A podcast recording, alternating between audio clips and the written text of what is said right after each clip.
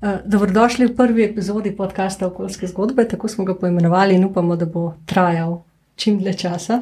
Za prvi uh, današnji uh, pogovor pa smo izbrali vsakdanjo temo, uh, ampak hkrati uh, po eni strani zelo zahtevno temo, uh, ampak tudi temo, kot sem rekla, s katero se srečujemo vsak dan. Plastika, naša vsakdanja, sem si sposodila oziroma ukradla ime projekta.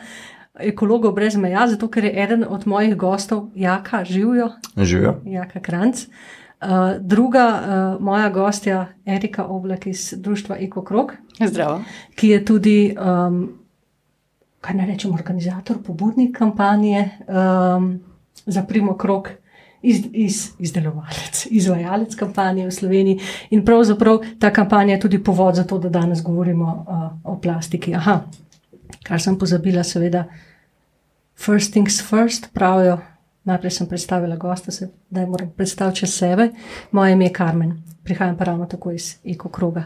Uh, hvala, ker nas poslušate in upamo, da nam boste prisluhnili tudi v nadaljevanju, pa potem pravijo, če bo kdaj še v kakšnem uh, naslednjem podkastu. Zdaj pa k plastiki. Um, jaka, uh, vas uh, ekologe brez meja bolj poznamo na področju delovanja, uh, preprečevanja, nastajanja, ravnanja z odpadki in tako naprej. Um, zato bi mogoče uh, za, začeč za začetek tebe vprašala, plastika je en tak ogromen problem postala. Um, onesnaženje s plastiko, vpliv na zdravje, vpliv na okolje, uh, celoten življenjski cikl plastike, uh, problemi, ki jih vidimo, in problemi, ki jih v bistvu tudi ne vidimo. Um, zanima me, um, če lahko na kratko, recimo, če, bi, če to sploh možno, izpostaviš, um, kaj so temeljni problemi na področju onesnaženja s plastiko. Potem bi pa morda rekli še nekaj o temi, ki je v začetku novembra zelo aktualna, to je podnebje in podnebje in plastika, ki sta tudi povezana, oziroma podnebne spremembe in plastika. Jaka, prosim. Na kratko, torej ja, vse o plastiki. ja, mogoče bi začel, da en glavnih problemov je to, da je plastika posod, ker je del in vsakdanjih izdelkov, in bolj dolgotrajnih, in je v zelo različnih oblikah. Tudi plastika ni tako kot mogoče kovina ali pa les, ki imamo zelo omejen nabor znanih materijalov, ampak gre za družino materijalov, ki so zelo raznoliki, vedno nove dobivamo. Ocenjuje se, da je registriranih plastik več deset tisoč različnih teh polimerov, ki se uporabljajo, in potem je tudi izziv, kako to uravnavati, upravljati, da bi bilo bi manj škode. Ker, naprimer, zelo znan je primer, mogoče ravno pri pitju iz plastenk. Plastenke vsebujejo lahko eh, bisfenole, ki so mehčalci za plastiko, dodatki. In ko smo ugotovili, da škodujejo predvsem otroškemu zdravju, smo prepovedali en bisfenol, tako se je uporabljal. In na, na mesto tega uporabljamo enega drugega, ki pa ni reguliran. Tako da v resnici nismo rešili nič, samo zamenjali smo en problem z drugim, pri tem, da je ta drugi dodatek, bisfenol S, še bolj obstojen v naravi. Tako da plastiko, nažalost, res najdemo posod v obliki materijala, torej najdemo smo v Marijanskem jarku, na najglobji točki sveta na ravni, v Himalaji na ledenikih, kjer človek še ni stopil, da bi mi vedeli, najdemo depozite mikroplastike iz zraka, v ljudeh smo jih najdeli, v živaleh, v rastlinah. Plastika pride posod. Ko enkrat razpade na neko mikro, nano raven, je pač prah neviden in uh, se ga ne moreš obvarovati. Torej, ta kompleksnost plastike eh, je tista, ki pravzaprav zgleda tako za lajka, nekako kar strašljiva, ne? ampak ne bomo govorili o strašenju, govorili bomo o rešitvah. Eh, pa bi vsem še vprašala Eriko. Um, prej sem rekla plastika in podnebne spremembe. Namreč plastika um, ne pride kar iz zraka, nekje nastane in nekje jo je treba potem tudi uničiti, ko postane odpadna. Torej, govorimo o celotnem življenjskem ciklu nekega plastičnega izdelka. Lahko na kratko pojasniš, uh, pojasniš na, uh, nam, kaj to pomeni življenjski cikl, recimo plast, plastenke. Ja, v bistvu uh, življenjski cikl je tako uh, kot, kot življenje človeka od zipke do groba, s tem, da tukaj govorimo o uh, konkretno recimo pri plastiki, o uh, plastičnih materijalih. Uh, nekje 99% se ocenjuje, da še vedno uh, plastika prihaja iz fosilnih virov, se pravi nafte, uh, premogo oziroma zemeljskega plina. In tukaj je tudi uh, prva točka povezave z, z pač podnebnimi spremembami. Um, naftna industrija, potem, ko se recimo upada uh, ali pa znižuje poraba nafte, ne, se je, je najdla pač nek način, kjer uh, še vedno uh, pač, uh, kuje dobičke in to je pač na proizvodni plastike. Um, veliko tega zemeljskega plina, plina recimo se dobiva tudi, ki se uporablja v teh postopkih tudi s frackingom. S, pre, s frackingom vemo, da je, uh, da je to tudi okolj, za okolje in uh, zdravje ljudi pravzaprav predstavlja veliko nevarnost. Uh, potem v sami proizvodni, seveda, in tudi potem, ko postane odpadek. Nedavno tega je uh, Greenpeace uh, objavil eno raziskavo, da tudi plastika, ki razpada v okolju, pravzaprav je vir toplogrednih plinov. Tudi če to plastiko sežgemo v cementarnah ali sežigalnicah, kar se dosti krat ponuja kot neka rešitev, ki pravzaprav ni rešitev, povzroča seveda emisije toplogrednih plinov, poleg toplogrednih plinov pa še druge nevarne snovi. Se pravi, da lahko rečemo, da plastika pravzaprav od zipke do groba, od začetka do konca pravzaprav vpliva tudi na podnebne spremembe, prispeva k podnebnim spremembam, po drugi strani pa še ustvarja kup, kup problemov in težav, o katerih je tudi Žaka prej nekaj povedal. Je pa res, da verjetno velja povdariti, da govorimo predvsem o tej jaz bom temu rekla spet lajčno, visoko potrošni plastiki. Ne? ne govorimo o nekih visokotehnoloških rešitvah, recimo v medicini, kjer seveda plastika več kot dobrodošel material za kakšno rešitev. Ja, tudi največje količine v bistvu prihajajo ti odpadne plastike iz uh, izdelkov, ki so za enkratno uporabo. Se pravi, da uh, neki izdelke oziroma embalaža je bila narejena, se uporablja nekaj minut, ne vem, nekaj minut do 20 minut po ure ali kakorkoli, potem pa se odvrže. Ne? Težava plastike je tudi v tem, da je dejansko, kot si rekla, zelo v bistvu kvaliteten material, ne? ravno zaradi tega, ker je tako trpežen. Ne? To je pa tudi seveda na drugi strani, uh, bi rekla, uh, prekletstvo plastike, ne? ker ko pride enkrat v naravo, oziroma a, je zelo obstojna ne, in, in se je ne moremo kar enostavno znebiti. Um, s plastiko se srečujemo kot potrošniki vsak dan. Uh, in ko sem gledala film um, The Story of Plastics, mislim, da je naslov, ne, ta, to daljšo verzijo, uh, je tam eden od nastopajočih iz reciklirnega centra v Ameriki dejal: You cannot recycle out of this. Ne? In je zadaj pokazal za sabo ta ogromen mm. kup uh, plastike. To, to mi je v bistvu tudi meni potem razjasnil, da, da se e, izrecikliral ven iz plastike ne bo. Ne? Um, je, pa, je pa dejstvo, da um, tisto, kar pa lahko zrecikliramo, uh, je pa bi veljalo zreciklirati. Um, in zato bi danes. Uh, večji del tega našega pogovora, torej, kot sem že rekla, namenili rešitvam. Um, kakšni bi torej morali biti, uh, morali biti načini reševanja težav s plastiko? Jaka? Ja, po eni strani sistematični, ker če vemo, da je plastika od najmanjše možne oblike do velikih količin ali pa velikih nekih manifestacij, če tako rečem, uh, potem seveda moramo reševati na vseh teh nivojih, potem vsa ta dimenzija, da so različni materiali. Tako da, če bi mogel eno merilo izbrati, bi rekel, imamo v Evropi uveljavljeno hierarhijo ravnanja z odpadki, imamo to idejo, da moramo izdelek spremljati ne samo od zipke do groba, ampak od zipke do zipke uh, in upoštevati ta načela, da imamo najrajši take izdelke, ki ne nastanejo na odpadki ali pa čim dlje se upirajo temu, da bi nastali odpadki, da nastanejo iz tega dobri odpadki, če rečem, da niso škodljivi, da imajo čim manjšo. Dobri odpadki, če te lahko prekinem. Ravno to, da, niso, nimajo, da je čim manjša osebnost nevarnih snovi, da jih dejansko lahko recikliramo, da jih lahko recikliramo večkrat. Da mogoče izdelek še preden gre v stopno ločenega zbiranja, pa reciklaže, da ga lahko popravimo, dopolnimo, mogoče modularno samo zamenjamo, kaj še en del, lažje popravimo. Torej, čim več truda moramo vložiti to, da podaljšujemo življenjske dobe izdelkov, torej to se tiče tudi plastične embalaže, eh, raznih teh folij, vrečk, eh, nekih izdelkov, ki na, jih na koncu pobiramo po naših plažah, kot nekih večjih zadev, kot so mogoče tudi termoplasti, te bolj trajne plastike v avtomobilih, v gradbeništvu, ki so pa pač imajo daljše življenjske dobe, so količine primerjalno mogoče manjše, ampak so pa vseeno dosti bolj homogeni materiali, pa je lažje z njimi ravnati potem kot odpadki. Tudi manj so onesnaženi lahko. Tako da je predvsem to sledenje hierarhiji ravnanja z odpadkom, ker to krožno razmišljanje, da v resnici, če smo mi pogovarjali samo o ločenem zbiranju, pa recikliranju, res je pomembno recikliranje in ločeno zbiranje, ampak na ta način nikoli ne bomo rešili problema, ker na trg še vedno prihajajo za nič izdelki, izdelki, ki jih noben noče, ki nimajo vrednosti kot sekundarna surovina.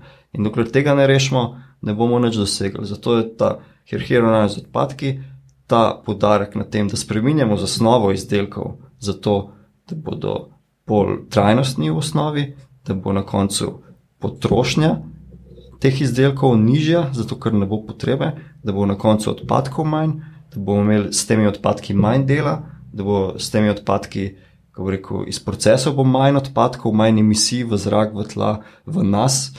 Uh, tako da moramo se lotiti problema pri glavi odkače, ne pri repu. Ne? In industrija pa rada poudarja, da ja, bomo mi reciklirali, recikliranje bomo podpirali tovarne za recikliranje, vi morate ločeno zbirati, ali pa v primeru Slovenije, kjer že odlično ločeno zbiranje, nam pol težijo, da preveč dobro ločeno zbiramo, da bi mogli metati plastiko v mešane odpadke, ne, zato ker se noče ukvarjati s, s to plastiko, ki jim ni všeč, ki nima vrednosti. Čeprav, mislim, se bomo o tem še kasneje govorili, o ja, podaljšanju ja. odgovornosti, ja. ampak tle tle odgovornost za to rešitev zagotovo ni na potrošniku. Nosimo del odgovornosti, ampak uh, odločevalci, proizvajalci, čisto enaka teža. Tako kot pri vseh rešitvah, ja. ki so ne, sistemske rešitve, so. Ja, se, mogoče, ja. če vprosti, če lahko še jaz dodam, v bistvu, uh, tako gre Jaka rekel, pravzaprav plastika je ena taka zadeva, sploh embalaža, ne, kjer pravzaprav uh, v bistvu radi rečemo doskrat, da, da povpraševanje kreira ponudbo, tukaj je ravno obratno. Ne, uh, mi kot potrošniki se ne odločamo, kaj bo zavito v plastiko in kakšno plastiko, ampak dobimo zavito v plastiko in to je to. Se pravi, tukaj na tej strani pri plastiki to ne drži, ampak ponudba je tista, ki generira porabo plastike. Ne? Se pravi, ponud, za ponudbo so odgovorni proizvajalci. In tudi Hrati, zato, če te lahko ja. prekinem, sem se spomnila spet na ta film, ne, kjer uh, so podatki o tem, da recimo um, te velika podjetja potem plačujejo in sponzorirajo in donirajo za čistilne akcije hmm. plastike. Ne? Ne vem, zdaj na pamet govorim ja. 10 milijonov dolarjev, na drugi strani za nov petrokemični obrat za izdelovanje plastičnih izdelkov, ne, spet na pamet 300 tisoč dolarjev, mm. ampak razmerja mislim, da sem kar zadela. Ja. Uh, ja, uh, v bistvu je uh, na eni strani, bom rekla, te. te uh, sponzoriranja razno raznih akcij in ne vem, usveščanja in tako naprej je tipičen prijem nasneževalcev, no vemo to tudi iz uh, drugih področji, ne ja. samo iz področja plastike, plastike očitno so plastičari to v redu posvojili, ampak um, v bistvu, kjer pa se mi zdi, da se vendarle premika je na ravni Evropske unije, kar je super, zato ker pač Evropa je uh, velik trg um, in uh, spreminja zakonodajo. V zadnjih nekaj letih uh, se je ta zakonodaja spremenila spremenila, tudi za plastične, recimo uh, za plastiko. Predvsem za plastične izdelke za enkratno uporabo. Uh, tam so uh, osnova teh, te direktive evropske, je v bistvu ravno to, koliko v čistilnih akcijah različnih odpadkov, različnih vrst odpadkov za enkratno uporabo se najde med temi akcijami. In, mm, mm, Zelo so ti ukrepi usmerjeni v teh prvih deset, ne tistih. Uh, ki so najpogostejši. Skratka, med njimi so tudi recimo plastenke in tako naprej. Nekateri te izdelki bojo prepovedani dajati na trg, nekateri bojo morali biti bolje označeni, nekateri bodo uh, morali uh, za nje poskrbeti proizvajalci po tem sistemu razširjene odgovornosti proizvajalca in tako naprej. Um, Donskrat je slišati v bistvu ne vem, pa kaj bojo ene, plast, uh, ene plastične vrečke ali pa, ali pa uh, tele palčke za ušesa ja. rešile problema, ampak nekje je treba začeti. Ja. In začeti je treba, a tam, kjer je največji problem problem, se pravi pri teh iz, uh, stvarih, ki največkrat obležijo v naravi in, in, in se z njimi ne da nič narediti. Pri tistih stvarih, ker že danes lahko zamenjamo, kot je Jaka rekel, nek material z drugim materialom, ki je okolju bolj prijazen, ali se ga da lažje reciklirati ali, ali kakorkoli, potem je opozarjanje osveščan in potem je seveda uh, spet sva pri odgovornosti proizvajalca. No, Um, sama sta oba dva že nekaj omenila Evropska unija. Um, predvsej pozornosti je namenjene temu, um, se da na kratko sploh opisati, kakšni so cilji pa ne samo na področju, o katerem bomo potem govorili, o recikliranju, ampak na splošno. Na področju plastike. Na področju plastike v bistvu je najbolj bistveno to, da se za plastično embalažo, to je pa to je uredbo o odpadkih, v tem govori, ne, da je treba uh, cilje se v bistvu povečati. Do zdaj je veljal cilj 22,5 obveznega recikliranja, um, zdaj je ta uh, delež 55% do leta 2030. Včasih si mislimo, tako le rečemo, da danes smo 21, 2030 je še daleč, ampak ni. Ne. Preden se nek, nek sistem spremeni in tako naprej, da da rezultate deset let pravzaprav malo in morali že dan začeti s temi stvarmi.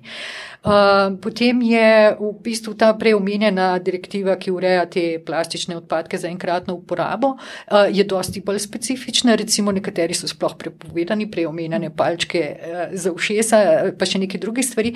Pa recimo pri plastenkah konkretno je tudi postavljen cilj, da je treba do, do leta 2030 90% vločenega zbrati. Uh, plastenk pa uh, 30%, v novih plastenkah mora biti 30% reciklata. Um, zdaj, če vzamemo teh. Reciklat pomeni že uporabljen, recikliran material. Recikliran material, jasno, tako je. Ja. In pri plastenki je čudovito to, da se da ena in ena, pet, pet plastenkov, ena, ena, ena. Ne? Če so čisto ločene zbrane, zbrane plastenke, potem lahko plastenko, plastenke naredite novo. Uh, plastenko, kar je pri plastiki ni tako pogosto, pogosto je še tako imenovano downcycling, se pravi, da po recikliranju dobite material nižje uh, kvalitete. Ne? Pri plastenki pa temu ni tako, plastenka gre v plastenko. Ja, Tudi prednost tega, da imaš plastenko, je plastenka, material ta pet je že samo sebi narejen na ta način, da je primeren za hrambo živila. Ne? Tako da če mhm. imamo ločeno zbrano samo to vrstno plastiko, ki je primerna za hrano za živele, potem z recikliranjem ni težav. Mm. Ker pet je tudi v poliestru, v, v naših oblačilih. Ampak če bi mešali te, ko mešamo te osnovne tokove, je treba potem na novo, je teže preverjati, pa zagotavljati tako kakovost, da bo primerna za človeški konzum. Mm, ja, za hrano in pijačo. Ampak če dodam še nekaj mm. na področju eh, zakonodaje evropske, se mi zdi mogoče skoraj še bolj pomembno pa to, da v bistvu. Evropa je šele začela svoj pohod proti plastiki. Je tudi si zadala plastično strategijo, je sprejela, v kateri je med drugim dala tudi cilj do leta 2030, da bi mogla biti vsa plastična embalaža primerna za recikliranje ali pa ponovno uporabo.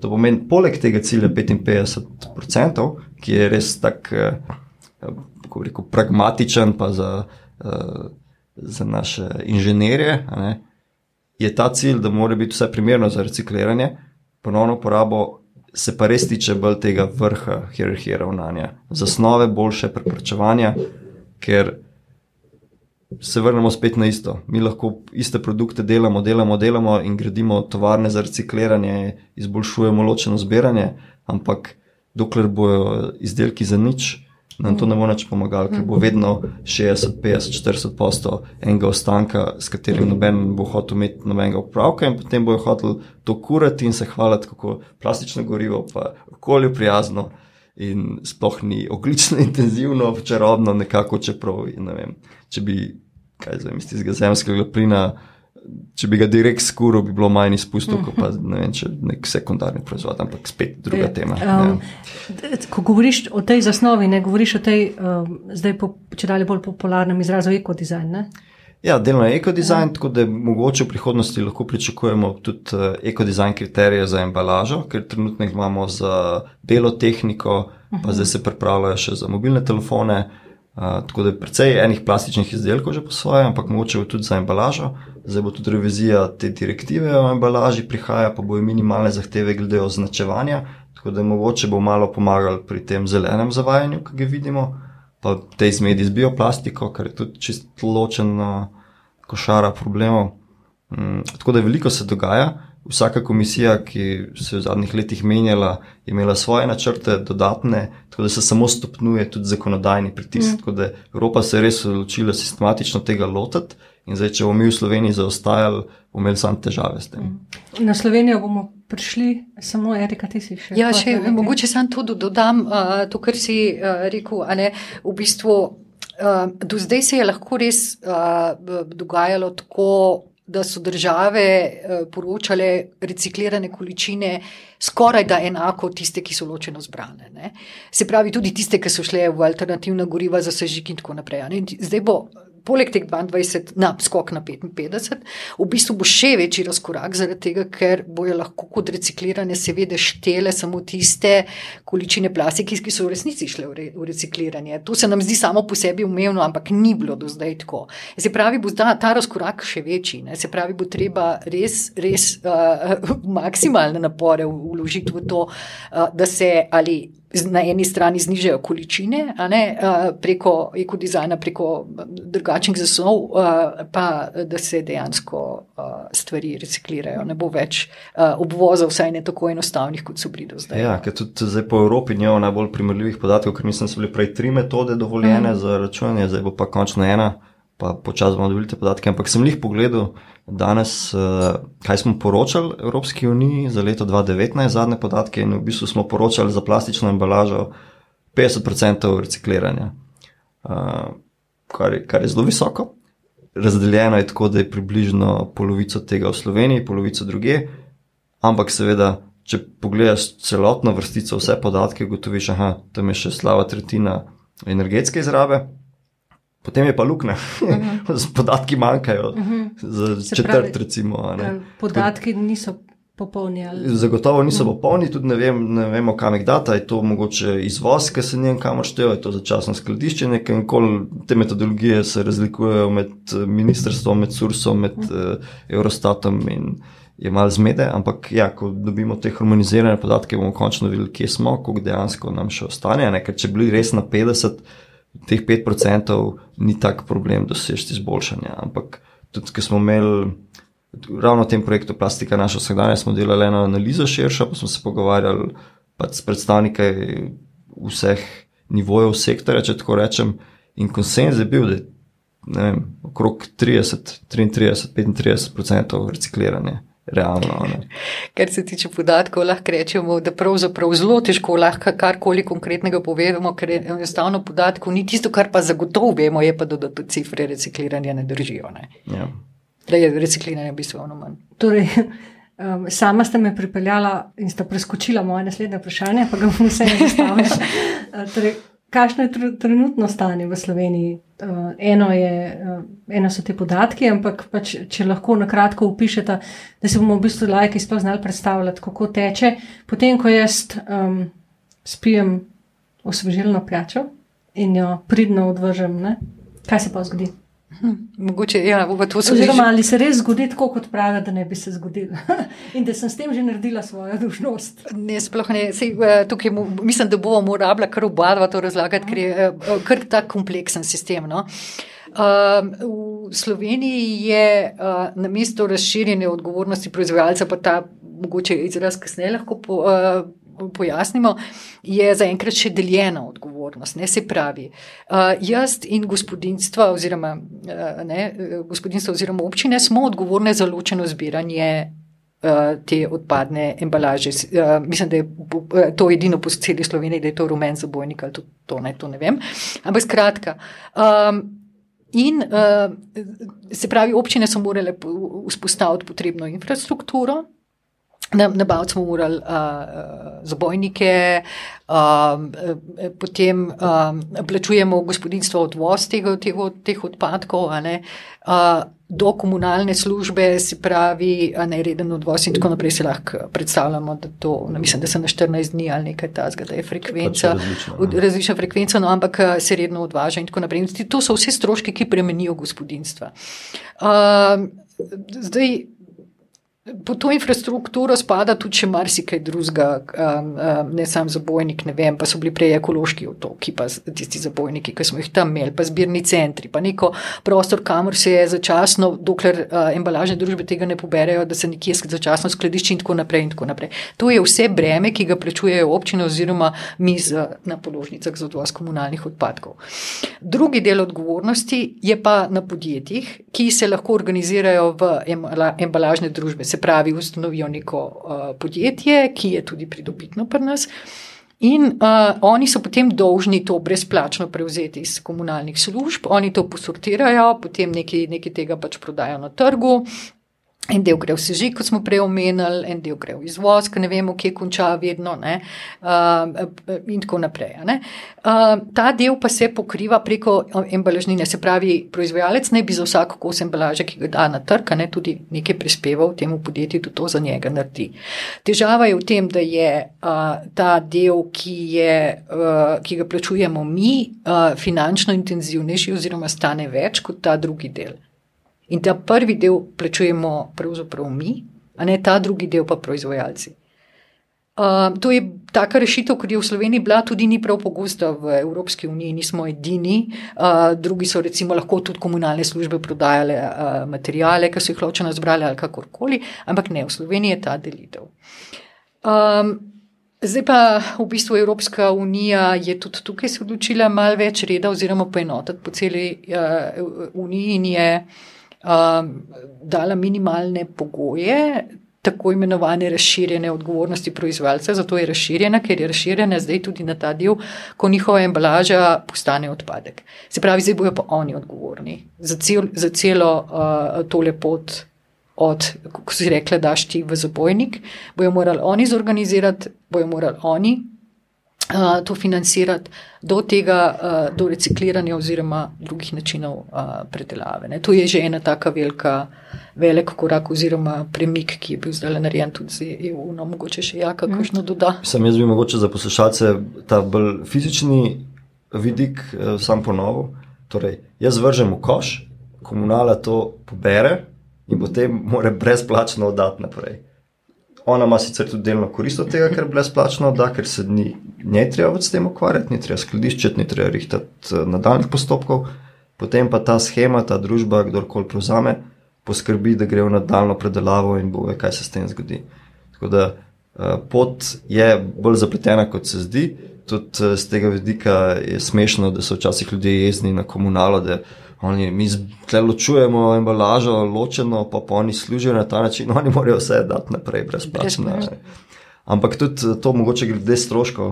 Uh, take težave smo imeli v Sloveniji, da smo potem ocenjevali, kako pa dejansko pokrijejo proizvajalci prek razširjene odgovornosti stroškov ravnanja z odpadki.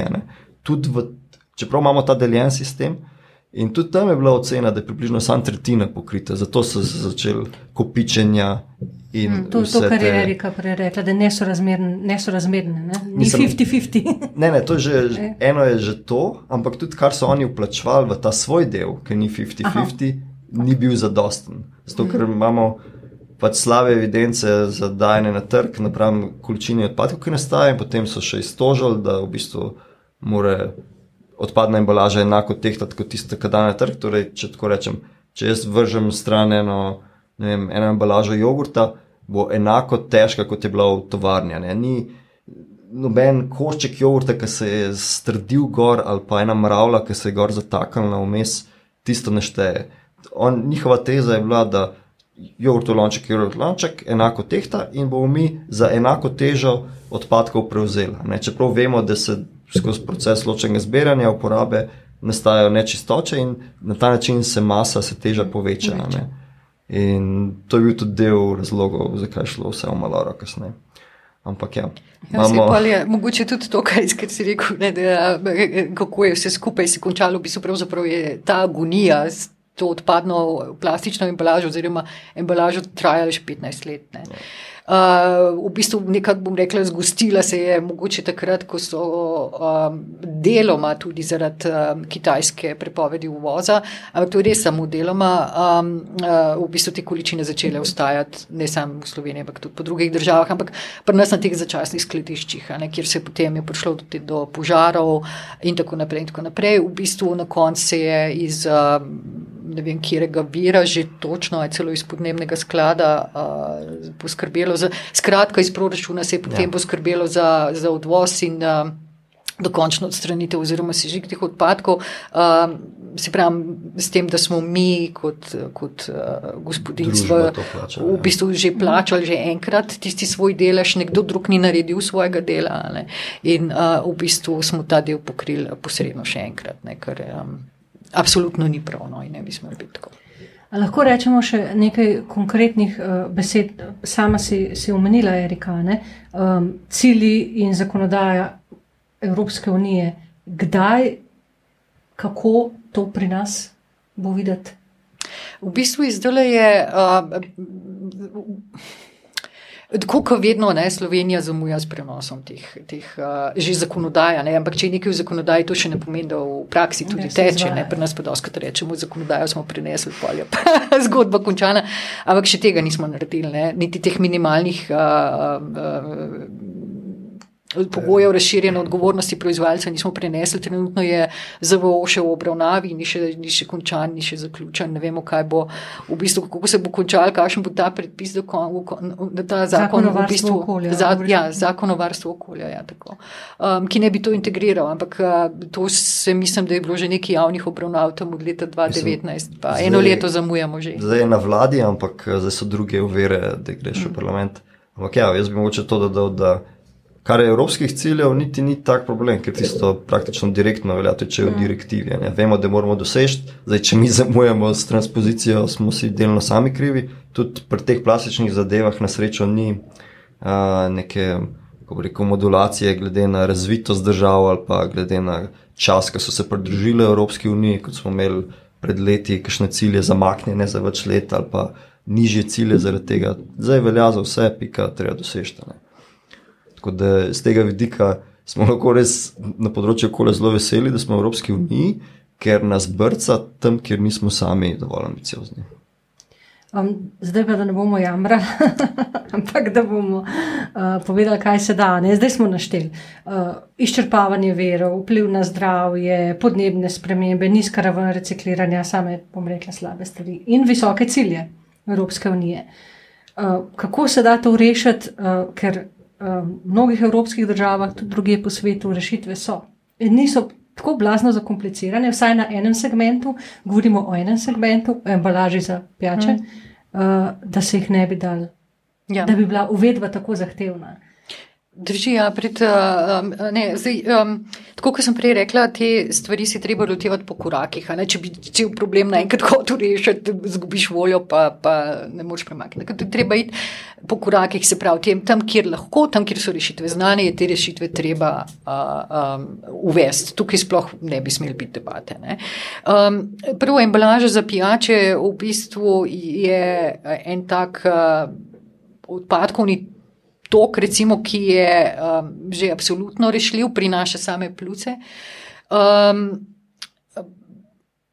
v bistvu je sestavljen iz dveh delov. No? Če tako začnem, prvi del, tako je rekel Jakob, više v gor po hierarhiji, uh, se pravi ponovna uporaba. Uh, recimo, številne evropske države že poznajo obvezne kvote, uh, ki so zakonodajno določene, uh, koliko mora biti deleža določene embalaže povratne. Se pravi, za pivo mora biti tok pa tok pakirano v povratni embalaži. S tem, da tu ne govoriva samo o plastiki. Ne, ne, ne, ne govoriva ne. samo o plastiki, se, se, se, ravno zato, ker je v bistvu. Obstaja tudi povratna plastika, ne, ampak ali ljudje za to ne vejo? Ja, res je. Ja, kaj ti že. Ampak ja, v glavnem se gre pa za steklenice. Ja, in, in dejansko v bistvu v tem primeru je nek material, ki je, ki je pravzaprav prijaznejši za okolje. To je danes že vemo tudi po analizi življenjskega cikla, ne, glede na emisije CO2 uh, ki zamenjuje plastiko, ki je manj okolju prijazna. Uh, potem imamo naslednjo stopno, je uh, tri materijale, ki se uporabljajo, ne še, ali pa recimo štiri za, za, za pijače. Eno je steklo, ki je enosmerno, se pravi, ni narejena steklenica za ponovno uporabo, ampak se pretopi v novo steklenico. Imamo plastenko, ker smo že prej rekli, da se je ena redkih takih materijalov, ki če je dovolj čisto zbrana, lahko gre nazaj v plastenko.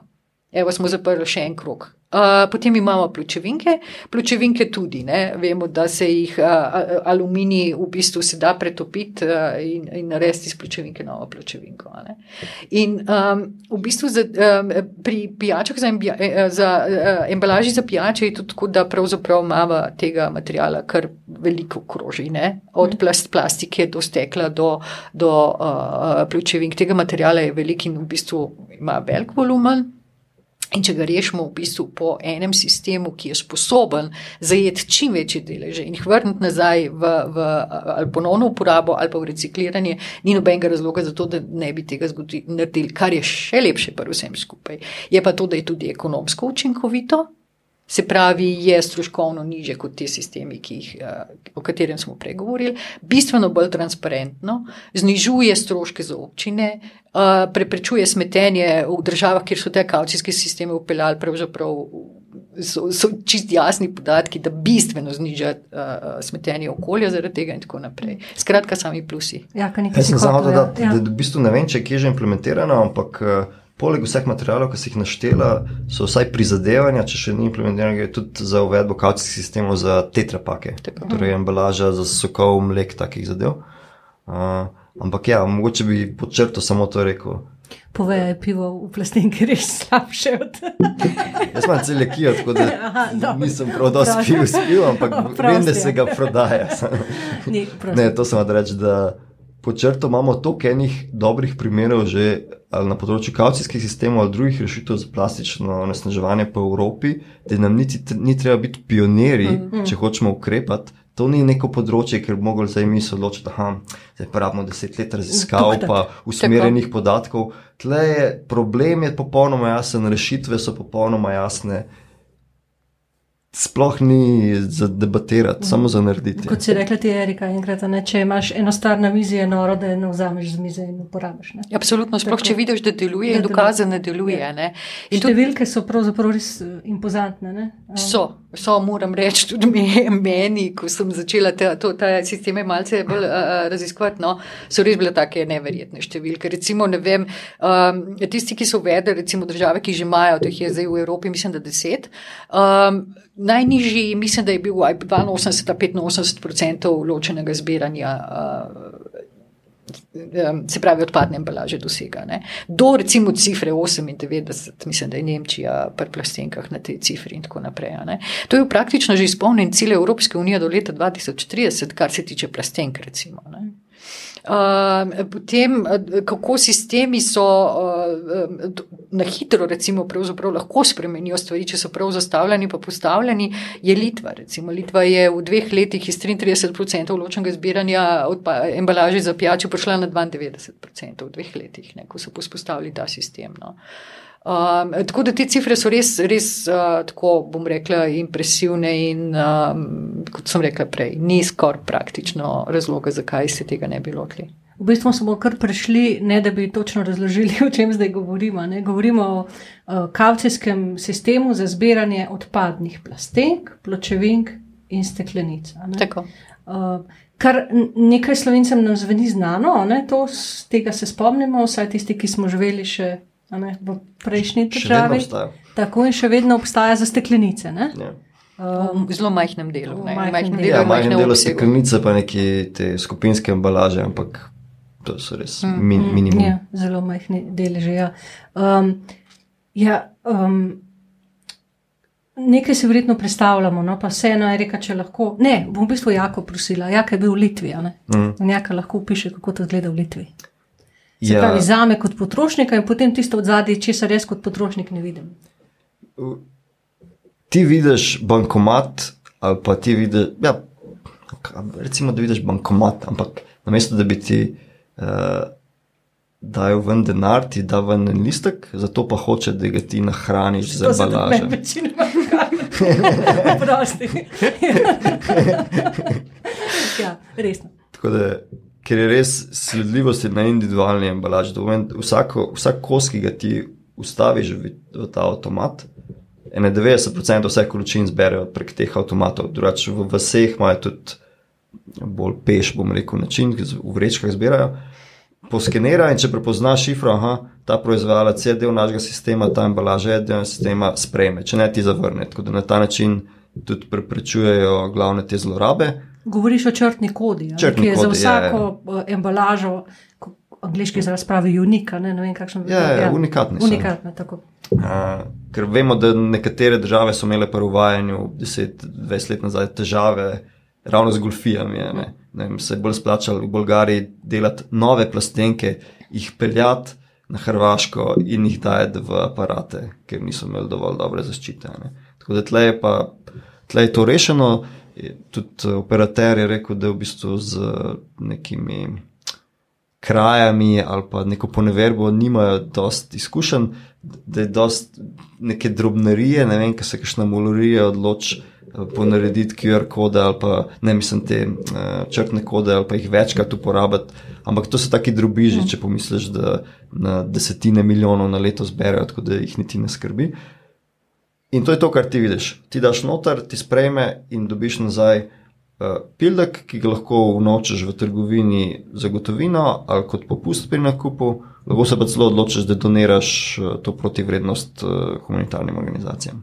Tako da to je vse, kar ti vidiš kaj je pa od zadaj, je pa drug del sistema.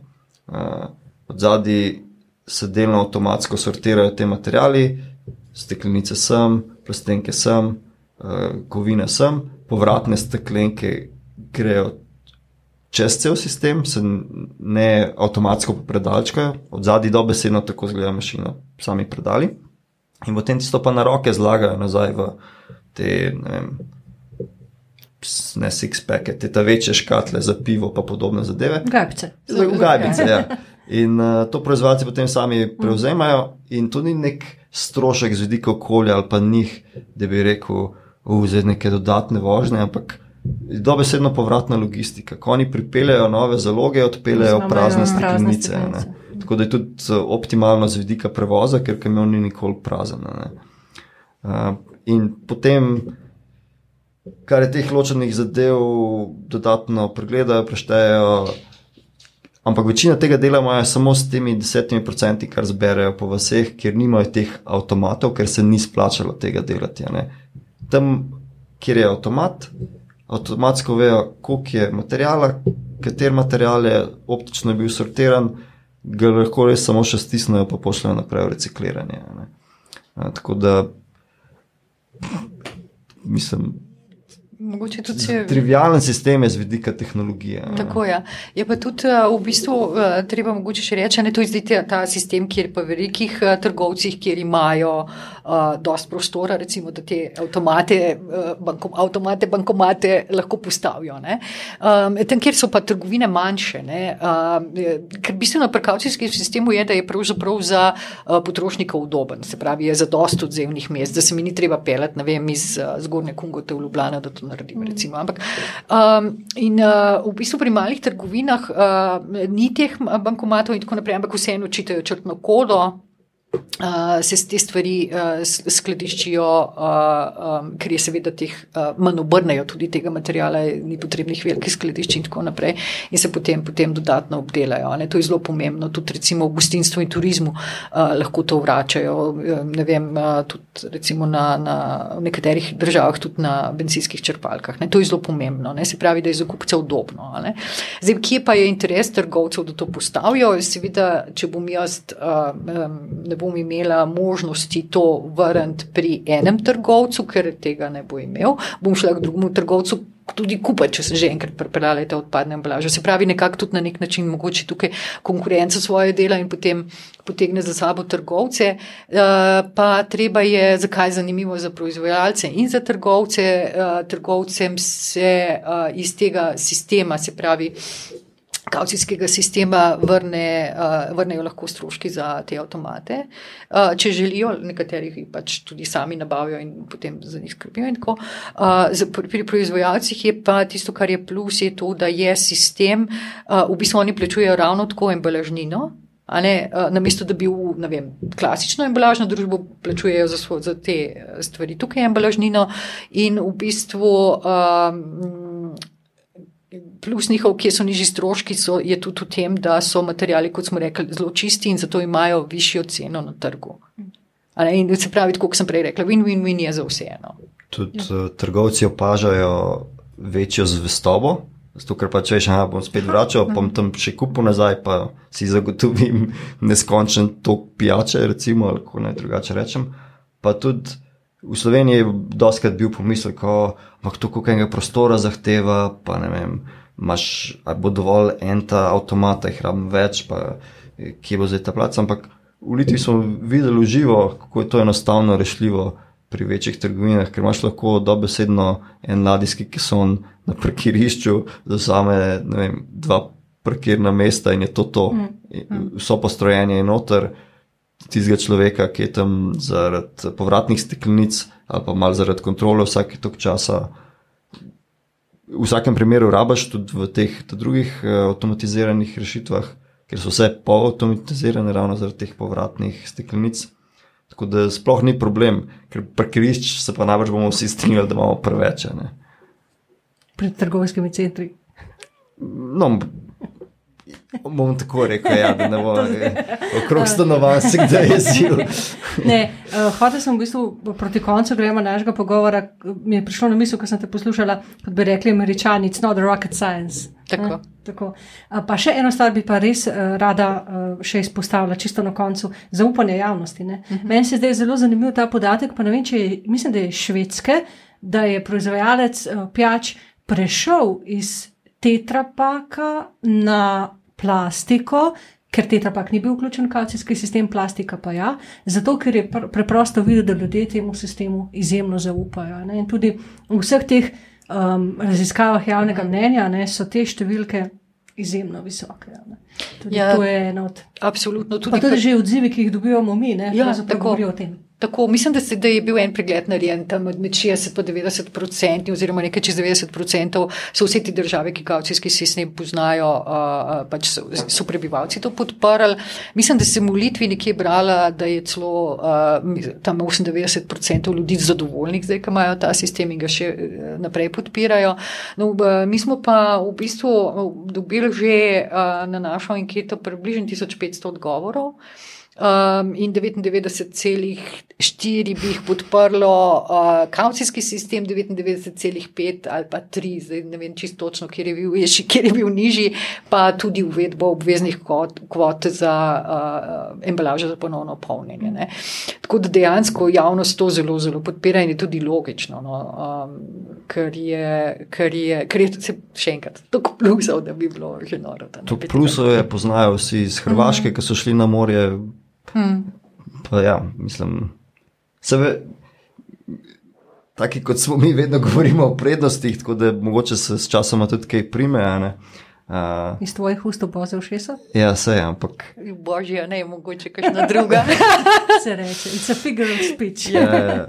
Ampak res je nenavadno, ker je taka po svoje neintenzivna rešitev, glavni problem mogoče so vseeno te prostori, pa to, da dejansko moraš sodelovati z večjimi ljudmi. V Litvi so se odločili in so to pijačari začeli zadevo, ker jim je mm. bilo interesu.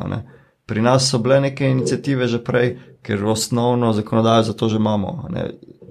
To bi lahko na lokalni ravni, če bi hotel organizirati sam. To bi lahko industrija se sama organizirala, ni treba, da čaka, da država ukaže. Ne?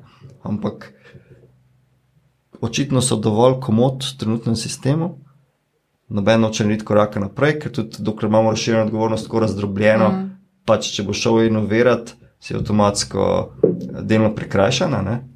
Um, ampak ja, zdaj, ko prihaja ta reforma, ko bo to dosti bolj sistematizirano, ko bo se bo mogli oni tudi ukvarjati s preprečevanjem, z ozaveščanjem, s preprečevanjem smetenja, plačevanjem tem stroškov, bo tudi njim bolj v interesu, Tako. da imamo dobre sisteme za zbiranje. Ker zdaj pač imamo tak sistem. In vsi se ustrašijo, pa te začetni stroški, pa začetni stroški ampak celokupno je sistem s kaucijo cenejši. Pa učinkovitejši. Ja. ja. Res win-win-win, se ti zmanjka ja. teh winov.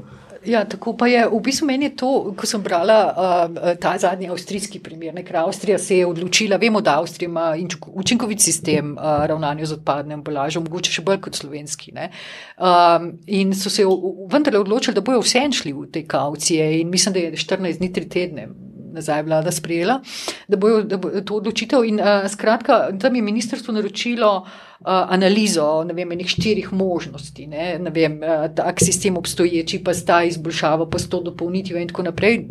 Četrti je bil kaucijski sistem. In je totalno jasno padlo ven, da pravzaprav je ekonomsko, okoljsko in vseh pogledih najbolj sprejemljiv kaucijski sistem. Tudi za doseganje ciljev EU, no, med drugim. Um, in tukaj se pravi, v bistvu, mislim, ne vem, v Sloveniji tukaj pravzaprav nam ni, kot smo že stokrat danes mogoče omenili, nam ni treba izumljati nič novega. No. Samo pogledamo, kaj so ugotovili Avstrijci, kaj so ugotovili Danci, kaj so ugotovili v Litvi in tako naprej. Zadevo, uh, zakonodajo, pogledamo, kaj je treba spremeniti, to sprememo in rečemo, od leta 1.1.23 bo Slovenija začela uporabljati kaucijski sistem in to je to. Ja, torej, rabimo neki politične volje, to je, mislim, da je ključno pa mogoče ti se en ščepec poguma, kot je potrebnega za vsako spremembo. Mm. Ampak to je res ena od bolj varnih možnih mm. na, pod, na tem področju plastičnega nasnaževanja, ki je precej široko, države se ga različno lotevajo. In imamo odlične primere iz držav, ki jih ne bi pričakovali. Romunije, naprimer, mm. imajo za vsako leto 5% višji delež zahteve glede povratne embalaže, dane na trg, kar je na evropski ravni fenomenalna mm. rešitev. Ampak ne, Slovenija je čisto zadovoljna, da se s sabo ukvarja in da iz tega svojega mesta, skoraj primata v določenih področjih, na, ali pa podpodročjih na področju okolja, da pač potonemo v pozabo, kaj ne rečem. Da se mm. ukvarjamo s tem, da zamujamo s, s tem prenosom, s tem rešitvami, tam plačujemo žene. Eh, kazni levo, desno, namesto da bi izkoristili po eni strani ta naravni kapital, ki ga imamo in ga moramo ohranjati, če, ga, če želimo ostati zelena destinacija. Eh, po drugi strani pa to, da vemo, da zmoremo mi veliko na tem področju, ker imamo pa druge primere dobrih praks. Vem, biološke odpadke zbiramo že več kot mm. deset let, Evropa se je šele odločila za to. V Ljubljani je že od leta 2006 znamo, zmoremo, in res samo malo manjka, da se ta let prebujemo. Mislim, da ni kaj dodati, kaj kaj dodati, nekaj še. Uh, mogoče, mogoče tudi ne. ne, ker, ker bi bil, mislim, da bi mogli v vsakem takem malem sklopu tega bi lahko eno oddajo ja. posneli. No, tako da zdaj, če smo pred koncem, ne bi odpirali. Za prvo epizodo pa dovolj, njaka se je tako izkazal in je tako lepo zaključil, da meni ni treba. Hvala. Erika Oblak in Jaka Kranc, hvala, ker ste bila uh, moja uh, gostja. Gosta, jaz sem pa Karmen. Hvala za poslušanje, pa se slišimo naslednjič. Pozdravljeni.